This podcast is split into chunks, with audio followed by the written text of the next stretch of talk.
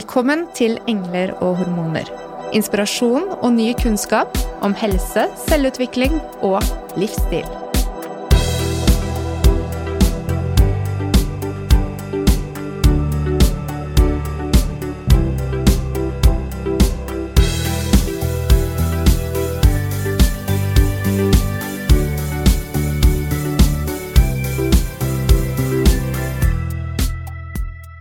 In this week's episode, we'll be discovering how to return to running after being pregnant and giving birth. Today, there are no national nor international guidelines that standardize practice and provide a framework to support health professionals working with women who wish to return to running after having a baby. In this context, musculoskeletal pain, pelvic organ prolapse, urinary incontinence, abdominal separation, or diastasis recti are prevalent amongst postnatal runners. Awareness and understanding of the importance of optimal postnatal recovery in the prevention and management of this common but not normal condition is increasing. And today, we're so lucky to have Gráinne Donnelly with us from Northern Ireland. She is an advanced physiotherapist and team lead for pelvic health physiotherapy in both public and private sector. She is also one of the main authors in the recently published guidelines Returning to Running Postpartum. Warm welcome to you, Gráinne. Oh, thank you so much, ladies. I'm so happy to be here. Um, I'm honored to be invited onto your podcast. And I have been listening to some of the recent shows, and I love the content that you're putting out and the discussions you're raising. Thank you so much. Uh, and uh, same back to you. Uh, I think this shared value of uh, bridging the gap both between clinical practice uh, evidence-based practice and uh, among different health professions as well as you are paying a major part in contributing to is uh, so essential for the future of women's health Thank you. And I, I completely agree. I think that there needs to be discussions like this one, to disseminate the information that we do know to our listeners, but two, to challenge us and to raise discussion and questions so that we can maybe take that back to the research field and decide what things we do need to know more about. Mm-hmm. And in your extensive practice, Gráinne, can you tell us a bit about who you are and uh, how you came to be our guest today uh, concerning all the clinical work and research work you have been doing already? Yes, so I'm a physiotherapist based in Northern Ireland, um, which is actually part of the UK. I think a lot of people think that Northern Ireland is Ireland. Um, it is on the island of Ireland, but it's part of the UK. And until actually earlier this year, I was working as the team lead in my public sector post as well. But I've actually I was spinning too many plates. I'm sure as women, you can appreciate that. There's too many things were happening, and I wanted to explore more research. So I actually left my public se- sector post and I'm concentrating on my private um, clinic and practice and some research. So the areas I'm most interested in are diastasis recti, returning to exercise postpartum, and I have a huge interest in the role of ultrasound imaging in pelvic health as well. And I'm involved in both clinical practice and research in all of these interest areas, actually. So I've recently been furthering um, the research and adding to the research base in terms of returning to running actually so you have approached me in relation to the clinical guidelines that we put out in 2019 which we have been delighted um, about the response to but from there there was actually some research stimulated. We had the opportunity to work with some leading researchers in the field, such as Dr. Izzy Moore from Cardiff Metropolitan University. And we actually have put out more research, which we can get into and discuss as we go along. Yeah, perfect. But what was your vision for these guidelines in 2019? so these were never intended to be what they became what they became and i sometimes think that life's funny and things work out the way they're meant to work out um, originally tom goom who's one of the authors is he is a musculoskeletal and sports physiotherapist in the uk and my husband, who's a physiotherapist, happened to be on one of his training courses and they got talking. Some people were asking about pelvic health and what about women returning to running. And Tom, like many people in his position would, would basically said that it's not his area of expertise and he doesn't really know the intricacies or the considerations for that particular population. So my husband got talking to him and mentioned that I was um, a specialist in pelvic health. And he was like, get her to get in touch and give me a shout. Maybe we could put out some information. When I contacted him and we decided to do something, it initially started as an idea around a blog. Let's put a blog or a fact sheet out there. Like it wasn't intended to be the document that it was. But when we started to look at the research base for guiding females returning to exercise after having a baby, well, there wasn't much out there. And we ended up down rabbit holes trying to look at what existed for similar populations or other populations, maybe return to sport and things like that and seeing could we extrapolate and try to formulate a starting point for guiding women. And it was really a, a debate we had at the time because to put out something in relation to clinical practice guidelines, the normal process is one, a very academic, formulated, peer reviewed, published document. And you can't really do that and get it published until there is significantly high level evidence to guide that. Mm. I guess in my position as the team lead in a health trust, I was aware that as a team, we were already seeing the population of postpartum women and we're already trying to advise them and give them exercise advice. But we're all doing different things and we're all just doing what we think is the best thing because there is no standardized guidance.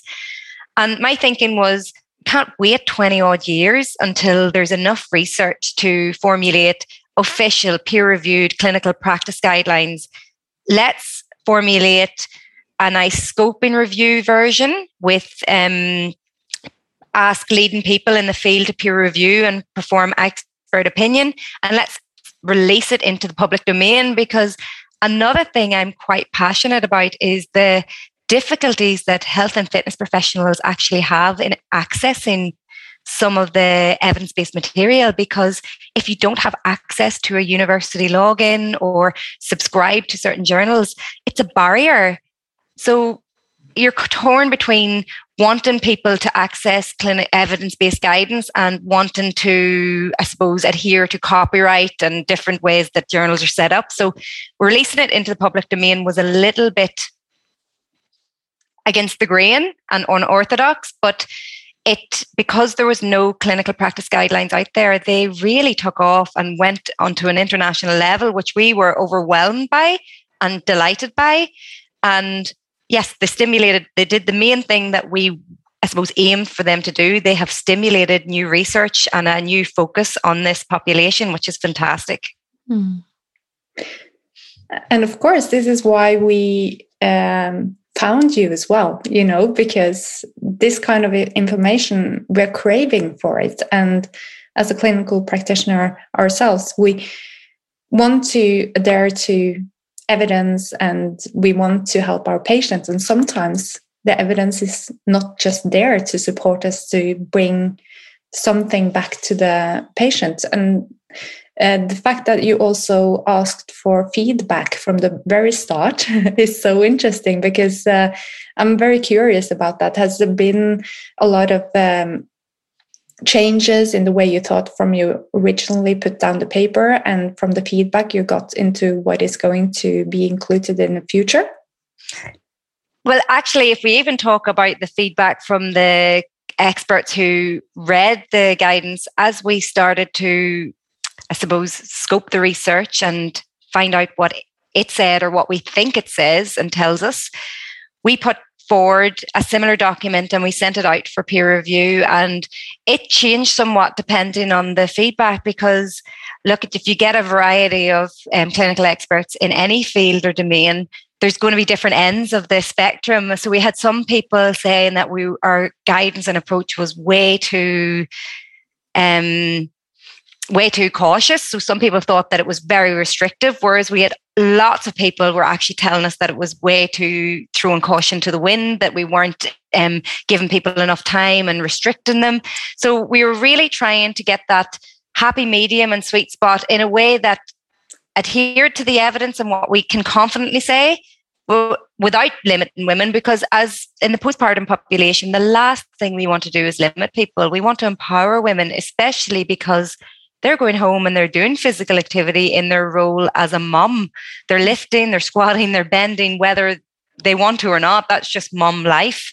Um, but there was a lot of debate went forward and back in terms of what we would agree on to put out. And then when we put the guidance out we have had lots of feedback in terms of people mentioning that they have been waiting for this. Like you mentioned, Mona, nearly, it's the type of thing that we as rehab specialists are craving. We need to know what the structure is for this population, what we can benchmark against. And what's really key to note is that they're not a protocol or a prescription.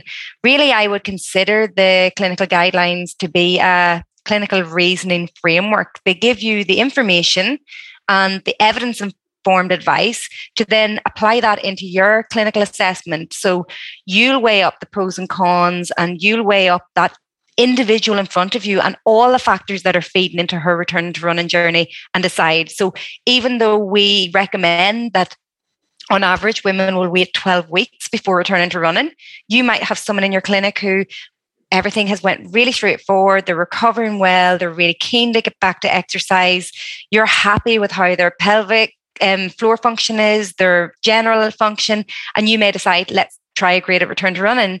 Other women will be 12 weeks, still significantly symptomatic. They may be flagging rehabilitation needs in your evaluation, and you'll decide, you know what, we'll hold off and we'll do some strength and conditioning and revisit that return to running decision a little bit later.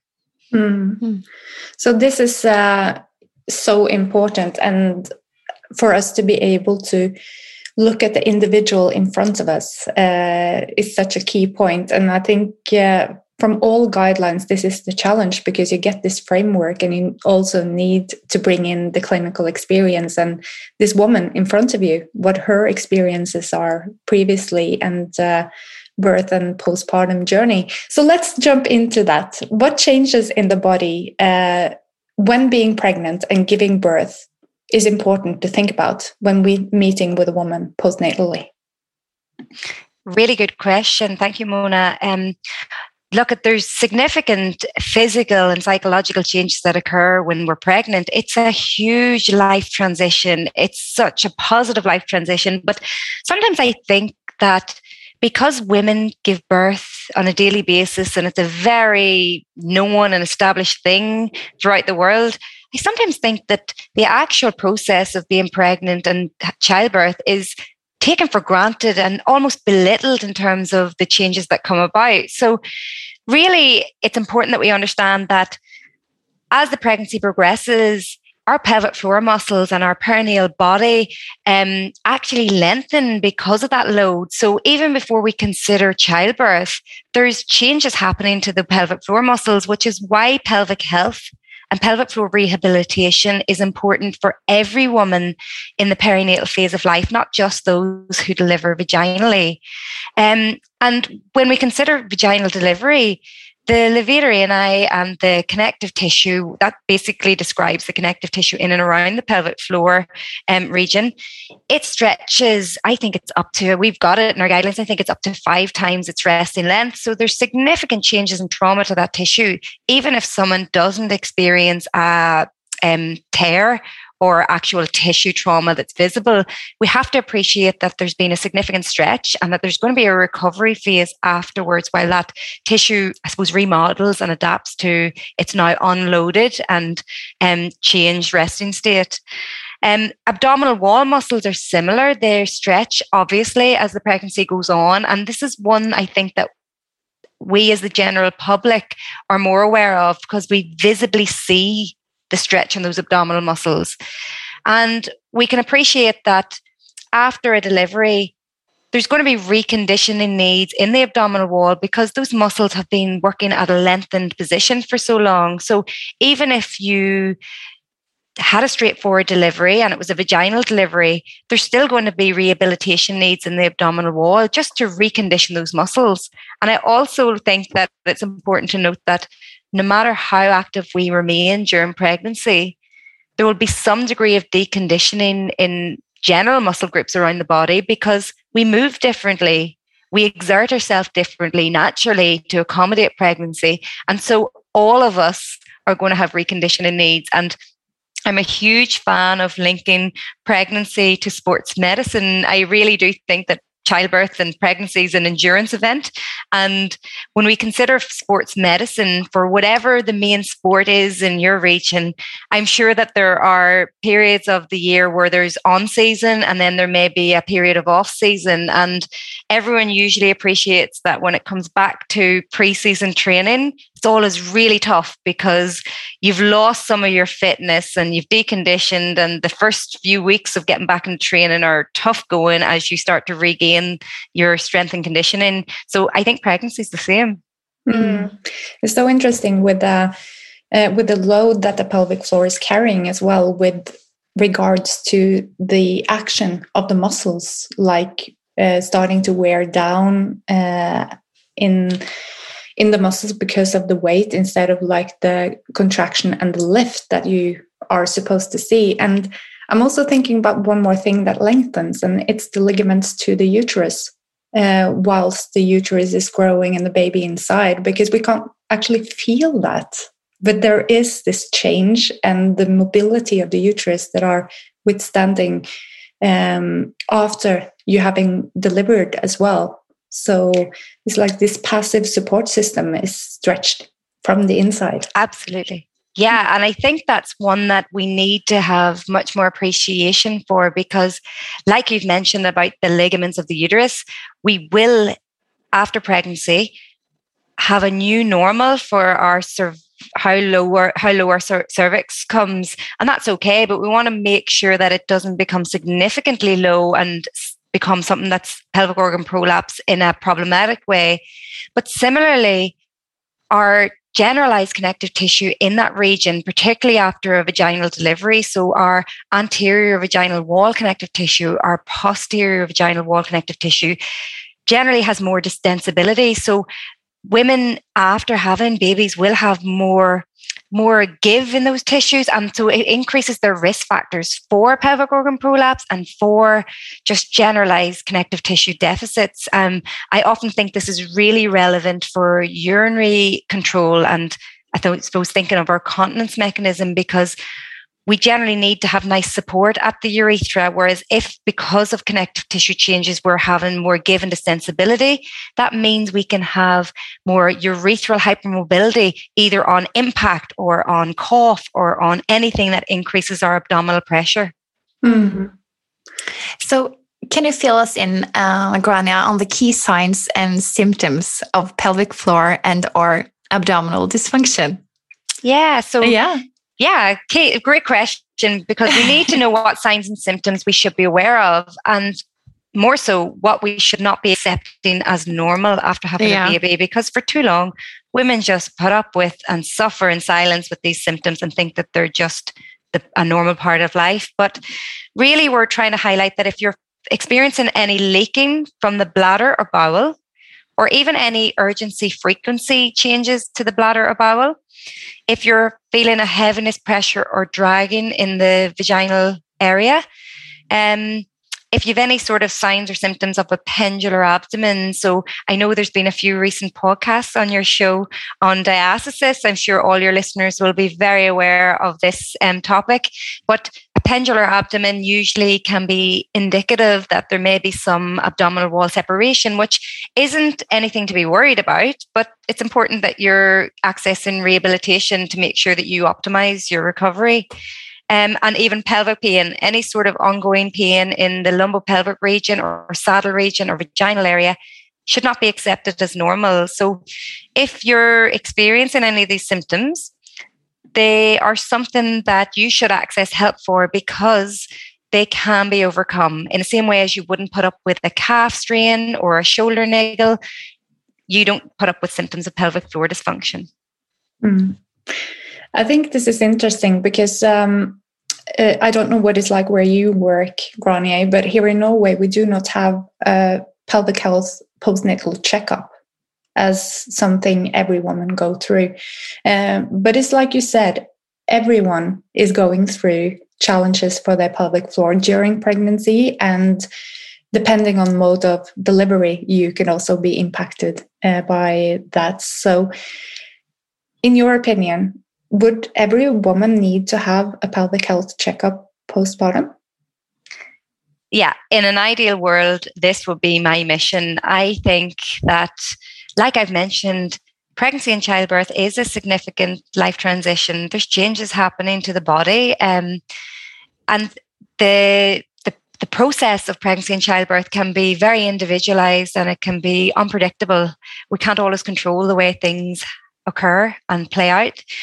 And in the same way as like when I think sometimes of it, you know, it's not just males who have ACL or microscopic knee surgeries, but um, just for the example, if we use the male football player who has microscopic knee surgery, they get like nine months of like standardized like protocol treatment here in the UK, certainly. They get like there's a process whereby it's recognized that they should be evaluated afterwards and prescribed exercise and rehab. So, why are we underserving women? Because we know that at least one in three women experience urinary incontinence. We know that these symptoms of pelvic floor dysfunction significantly impact a woman's life.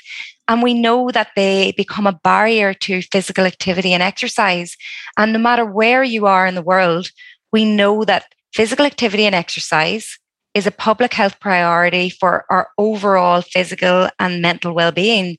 So we need to do anything we can to ensure that women are not experiencing barriers or getting caught behind barriers to exercise.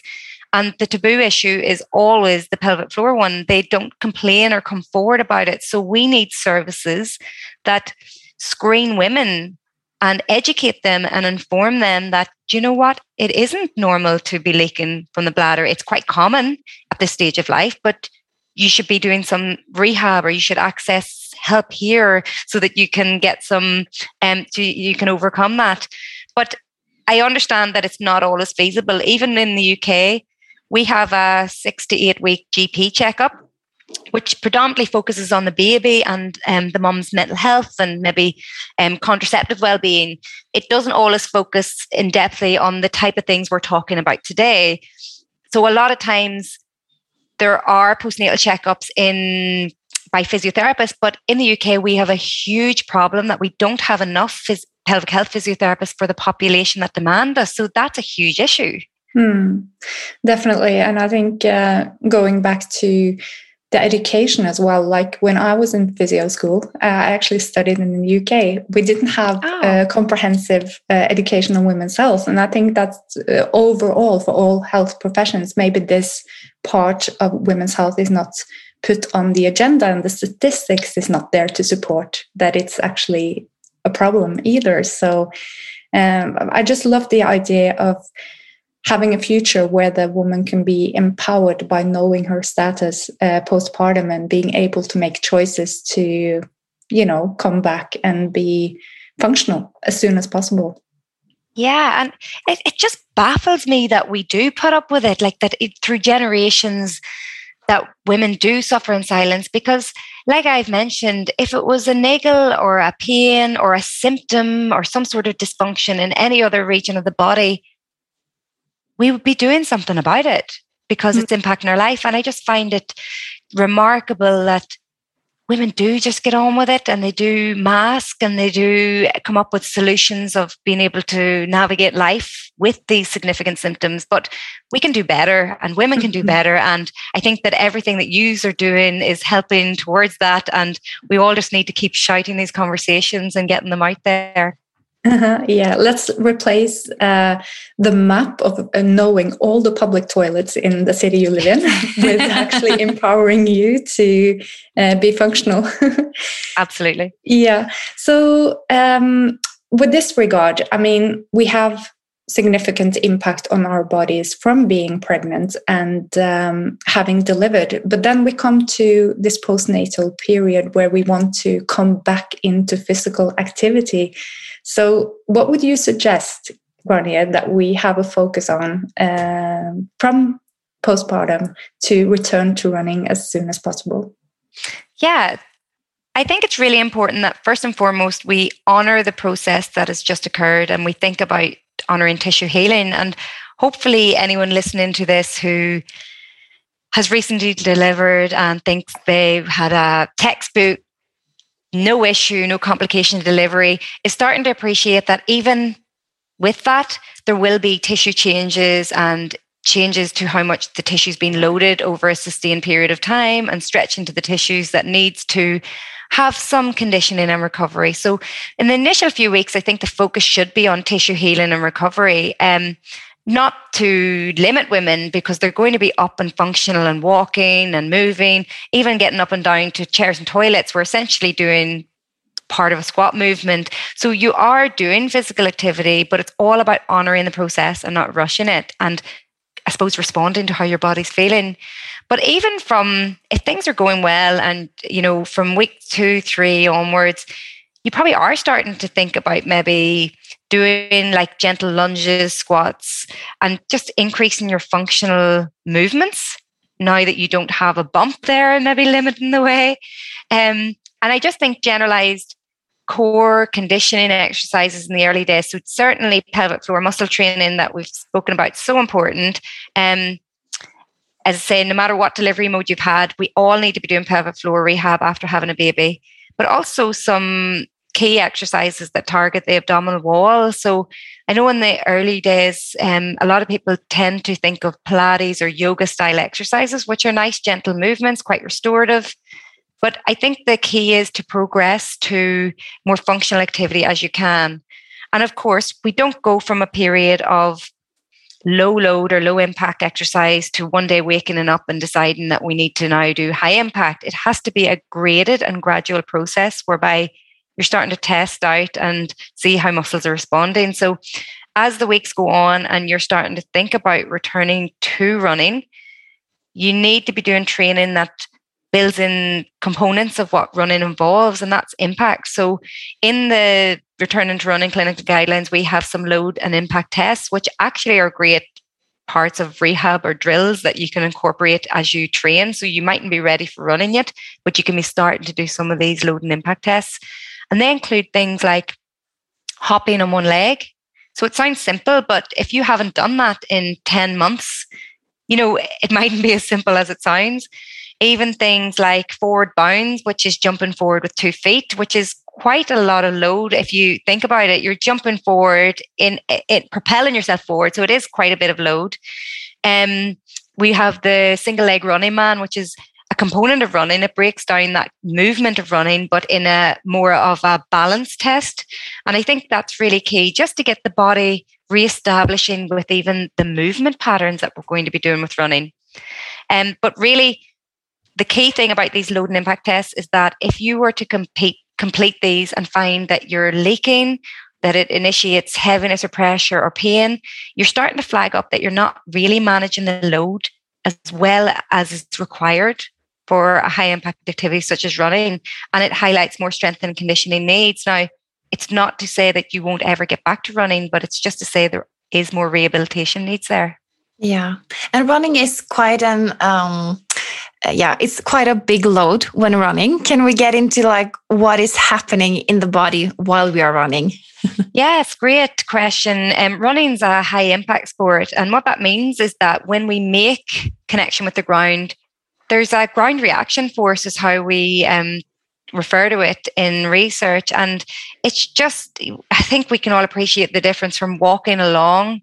Um, in a straight line to if we were to run along, it's just higher bounce higher load and what shock is then going up through the lower limbs, through the rest of the body. We obviously need a lot more research in this in terms of females and pelvic floor and running because we don't actually know how much that impact hits the pelvic floor. But what we do know from a clinical perspective is that women may be fine coming into clinic when they're walking. It's when they start to run that their urinary incontinence comes on. So that change in impact certainly has some impact on the functional ability of their pelvic floor. This doesn't necessarily mean that their pelvic floor are just weak. It could be an endurance issue.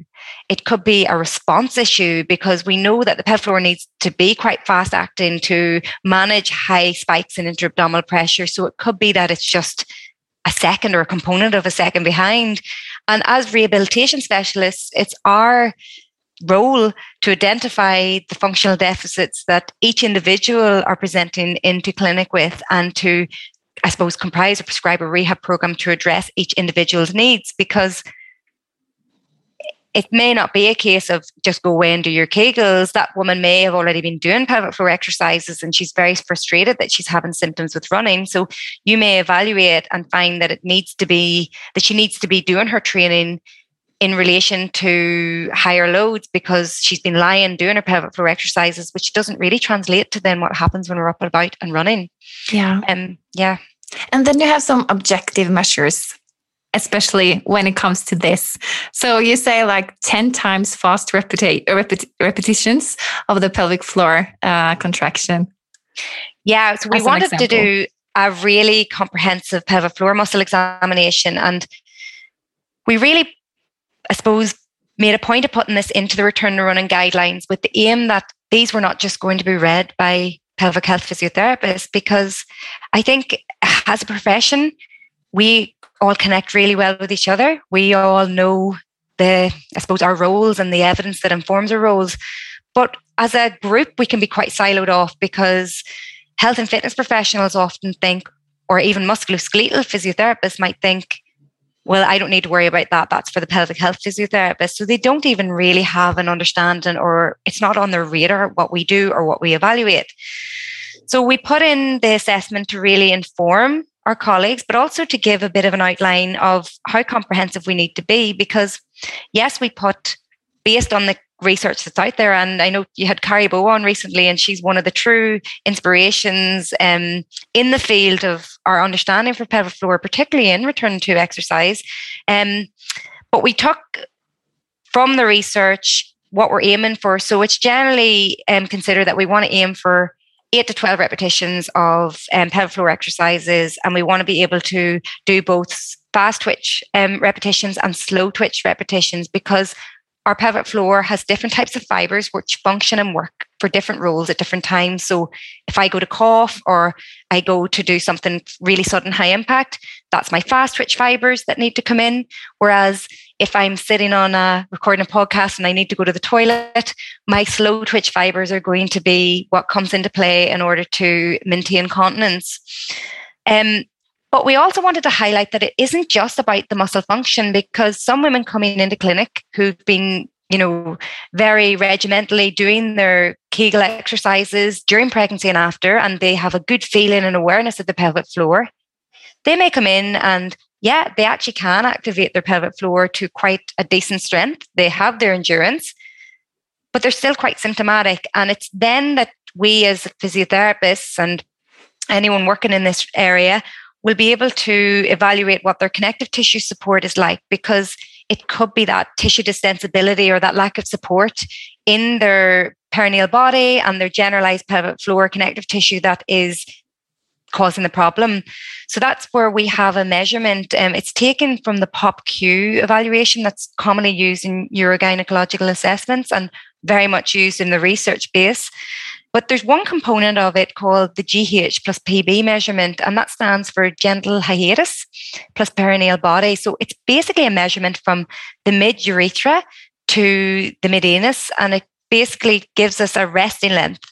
Um, so we want to know that first of all, and then we'll also ask the lady to carry out a Valsalva, which is a bear down, or if anyone's recently delivered baby, it's the type of action we would do to push in labour. Um, and on the third Valsalva, we're really looking to see how much, if and how much that resting length changes. Because if there's a lot of distensibility or lack of support in that perineal body, it balloons somewhat. And that gives us an insight into what's happening when that woman is experiencing situations with increased intra-abdominal pressure and it, it also helps us to understand the risk factor for pelvic organ prolapse and pelvic floor dysfunction in general. And it will also inform our management because, yes, keeping the pelvic floor muscles strength and condition is absolutely important with women who are presenting with um, a lack of connective tissue support down below. But it may be that you need to clinically reason their need for trying a pessary or a urethral support device um, to make up for that tissue distensibility. Mm, that's interesting. And in the connective tissue, it's so much we don't know really, but we know now that there are some predisposing factors like if you have a connective tissue diagno- uh, diagnosis, you will be more prone to having this problem. Absolutely. So, yes, things like Ehlers-Danlos or, yes, connective tissue or ligament laxity disorders usually predispose someone. But also, yeah, it's it's a really individual thing because some women can deliver significantly big babies and have no compromise to their connective tissue, and their t- connective tissue just responded that way. And I I sometimes liken this to actually dealing with diastasis and things too, because we wonder why some women get diastasis and other women do not. And if I consider the women that I evaluate, we can start to see how their tissues respond, even when we start to see how their general abdominal wall tissue responds to pregnancy, because some women will experience stretch marks and tissue changes and other women won't. And it gives you an idea of that last recoil, I suppose, that we, our tissues have. I do think there would be some element of genetics that will play into this because we do have variations in the amount of collagen type one and three that we have, and that that starts set, sets up our starting position for how much recoil will be in the tissues. Hmm.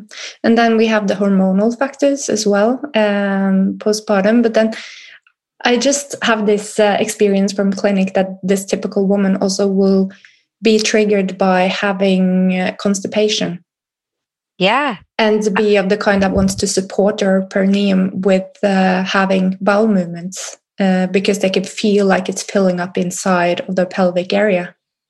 Yeah, I think if anyone has any um, connective tissue changes associated with childbirth or because of other risk factors, like we spoke about, whether it's um, genetic or that they have a, an established connective tissue disorder, we do have an increased risk factor for the likes of pelvic organ prolapse. And certainly, I've had four vaginal deliveries, and um, even in the absence of any complications, that first bowel motion post delivery is always a bit fearful. I think we can all um, appreciate that if you've had a vaginal delivery, even after a C section, because of the, it's just all, it's the same fear. But when you have a pressure down below or you feel that that area isn't supported, there is a want to maybe use a of tissue or a pad and splint that area. Um, and some women may find that they actually have to use um, something like the Femmeze we have in the UK or um, a thumb sometimes just to digitally splint the back wall of the vagina because they have laxity and that enables them to empty.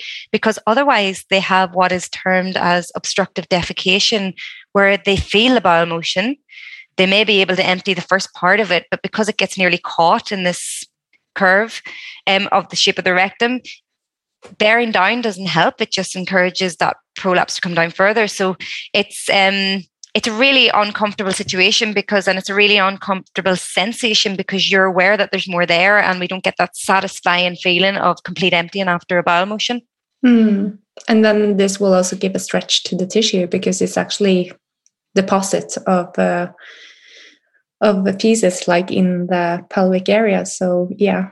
Yeah and that can lead to irritating the bladder if you've bladder something you know what i mean? Because there's something there that usually isn't there mm. that then can feed in. So again there can be this knock-on effect in terms of pelvic health and how one thing impacts another. And as women i think it's so important that we understand the changes that occur to our body and we understand that it's okay to ask someone about this and complain because you're not alone. I, I think sometimes these symptoms of even feeling that they haven't fully emptied their bowel, being able to maybe feel a bulge, that can be something that's quite considered quite taboo or quite intimidating for a woman to ask about because they feel like they are the only person in the world who will have this dysfunction as such. Mm. And yet, as I mentioned earlier, there's a device called the Femmeze, which I think looks like a shoehorn a little bit and it just splints the back wall.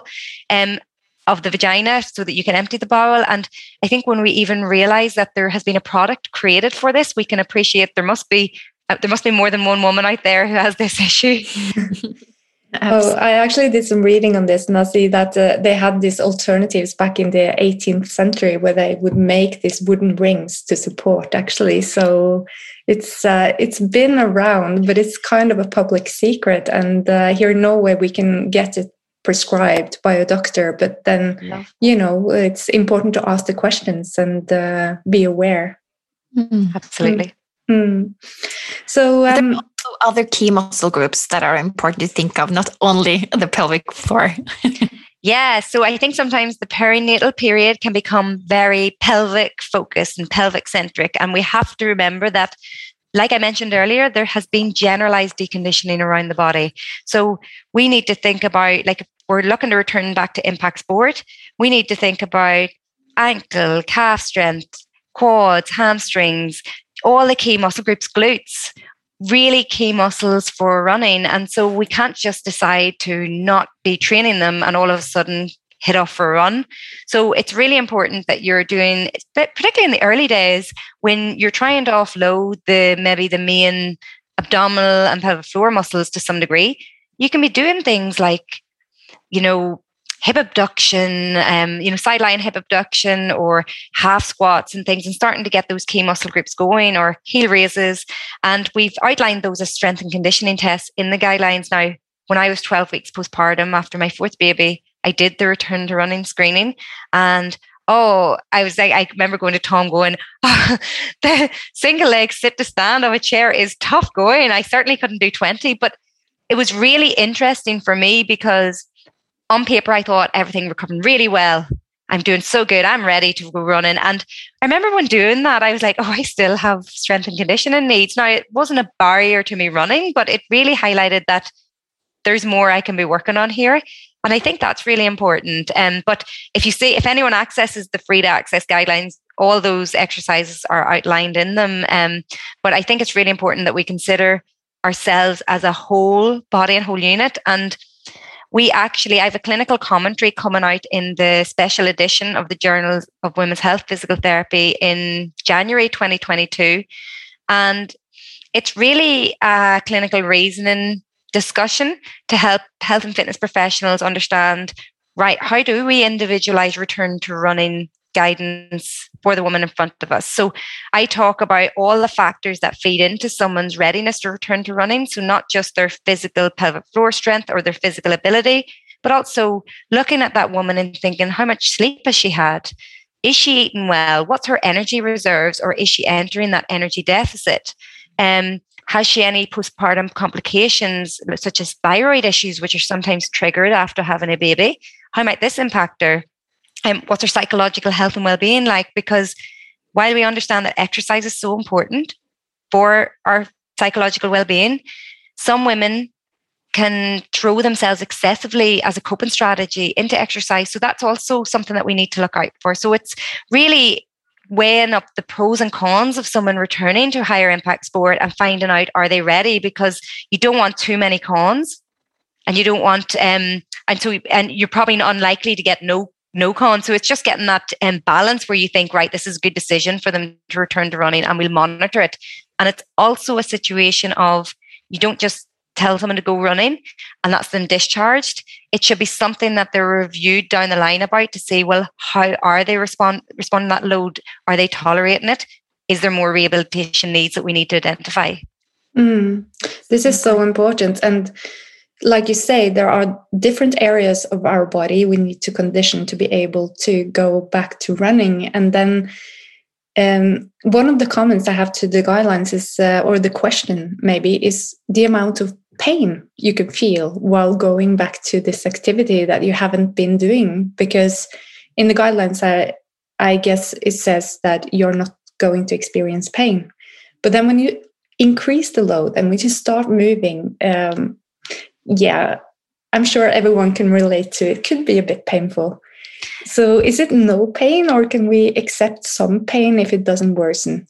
Well that's a great question because actually more recent research, including one study that I was involved in with Dr. Izzy Moore from Cardiff Metropolitan University, um, it identified that 87% of the cohort that we carried a survey out on, and it was quite a high survey, it was over 800 women. Um, so over 80% of these women had lower limb pain. So lower limb pain seemed to be the biggest issue. Um, and similarly, there's been research carried out by Shefali Christopher in the USA, and she found that um, musculoskeletal pain was a huge issue in postpartum women returning to running. So, yeah, I think that there could be some degree of normal aches and pains as we start to re enter into a process of an activity that we haven't done for some time. But it shouldn't be the type of thing that progresses or that significantly impacts our quality of life. It shouldn't carry over after that run. It shouldn't intensify. If it's just normal kind of shock. I was going to say shock, but normal kind of getting used to this sort of movement again. I definitely think you will experience some DOMS, so delayed onset muscle fatigue, and that's normal and that's expected. But really, as we start to get back into the exercise, it should settle. So if you're having persistent pain, it would be something that I would highlight to someone because postpartum pain isn't always just to do with muscle weakness and um, a localized area. You can have postpartum pain as a symptom of thyroid issues. You can have postpartum pain as an issue of psychological stress. You know, there can be many factors that can manifest themselves in pain. So if you're having ongoing pain that isn't responding or isn't resolving as you continue exercising, I would access someone for an evaluation to see because it may be something that you need to get um, get investigated further or you need may do, need to do specific rehab. Mm. And then you have the observation of the symptoms as well. And uh, in your guidelines, you say from couch to 5K in three months, right? Yes. Yeah, it's a and slow progression. Yes. So yeah. that's something that we have over in the UK. And I understand, do you have the couch to 5K in Norway or anything like it? Well, I refer to you, so we have it because okay. you you published. Oh, yay! Thank you. Um, so it's a really that can seem like a really slow progression for someone who's a keen runner. So it can sometimes people can be like, oh, like I don't want to do that or that great of a return. My message to you is that any other activity we undertake or any other thing that we haven't done for a while and we return to, we do do a graded return.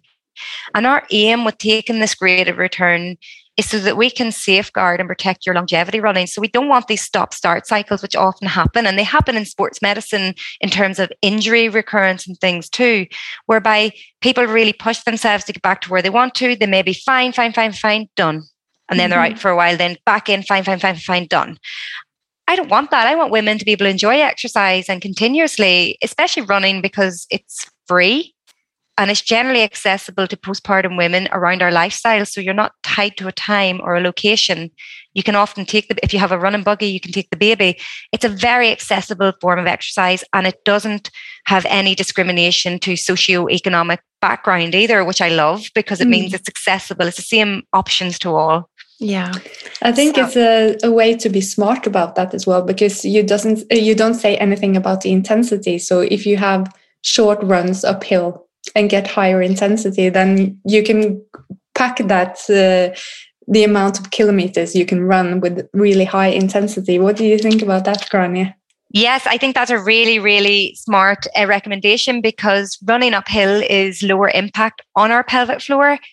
It's significant. Like you will feel the work on your lower limbs. So you feel like you're getting a nice glute workout, calf workout, quad workout. So if you're someone who really thrives on feeling like you're getting a workout and strengthening, uphill drills are really useful because they're less impact to the pelvic floor, so they're quite protective that way. And then walk down because we know that running downhill is higher impact again than even running on the flat. And it's often why women will find they only leak on a downhill run. It's because if you think of the way we have to change how we stand to balance as we run, and you just change even the foot impact, there's so many complexities to it that we don't even understand fully yet. Mm. Um, but we know that these trends do exist. And so we can be smart about how we can still push ourselves and get a good workout in but in a and but decrease the load to our key areas that we're still recovering in. Mm, yeah. So to summarize this episode in some short key points what do you think is the most important takeaways for our listeners?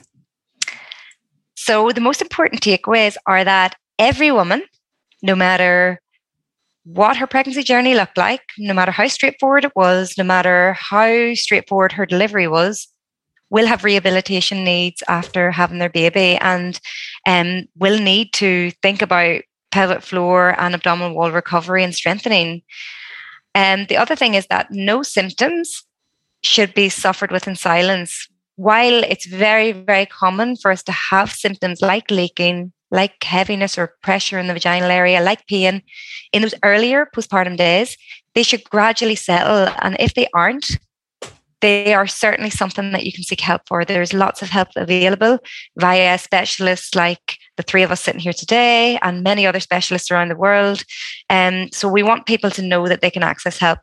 And overall, despite what you read on the internet or despite how people interpret different things, even like the clinical guidelines, they're not intended to be a barrier to exercise. They're intended to be something to really facilitate and protect and um, safeguard your longevity. So there's a there's a mission to the madness of what they recommend, but they're also something that is continuously a work in progress. So we will be updating them as the as the clinical and scientific evidence presents the last thing I wanted to mention, which we didn't touch on, um, was one of the biggest things we identified in that recent research with Dr. Izzy Moore was that fear of movement was one of the biggest things impacting women's likelihood to return to running. So we do as women, we fear the unknown. We fear what might happen if we return to running. We fear any symptoms we may be or sensations we may be feeling. So that's where I want to say to anyone, if you're fearing the idea of returning to running, seek the help of someone who can guide you through the process or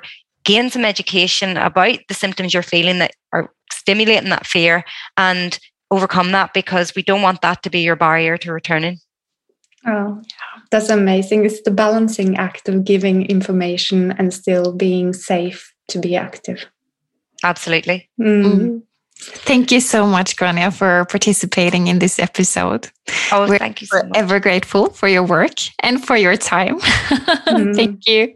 Oh, I've really enjoyed this discussion, and thank you so much for all you are doing. Um, God, I hope someday I might be able to meet you in person. Yeah, really, really would look. Uh, you know, just uh, sharing more. Uh, knowledge from your research and being able to learn from you, I'm sure we will make that happen, Gráinne. Thank you so much. Thank you.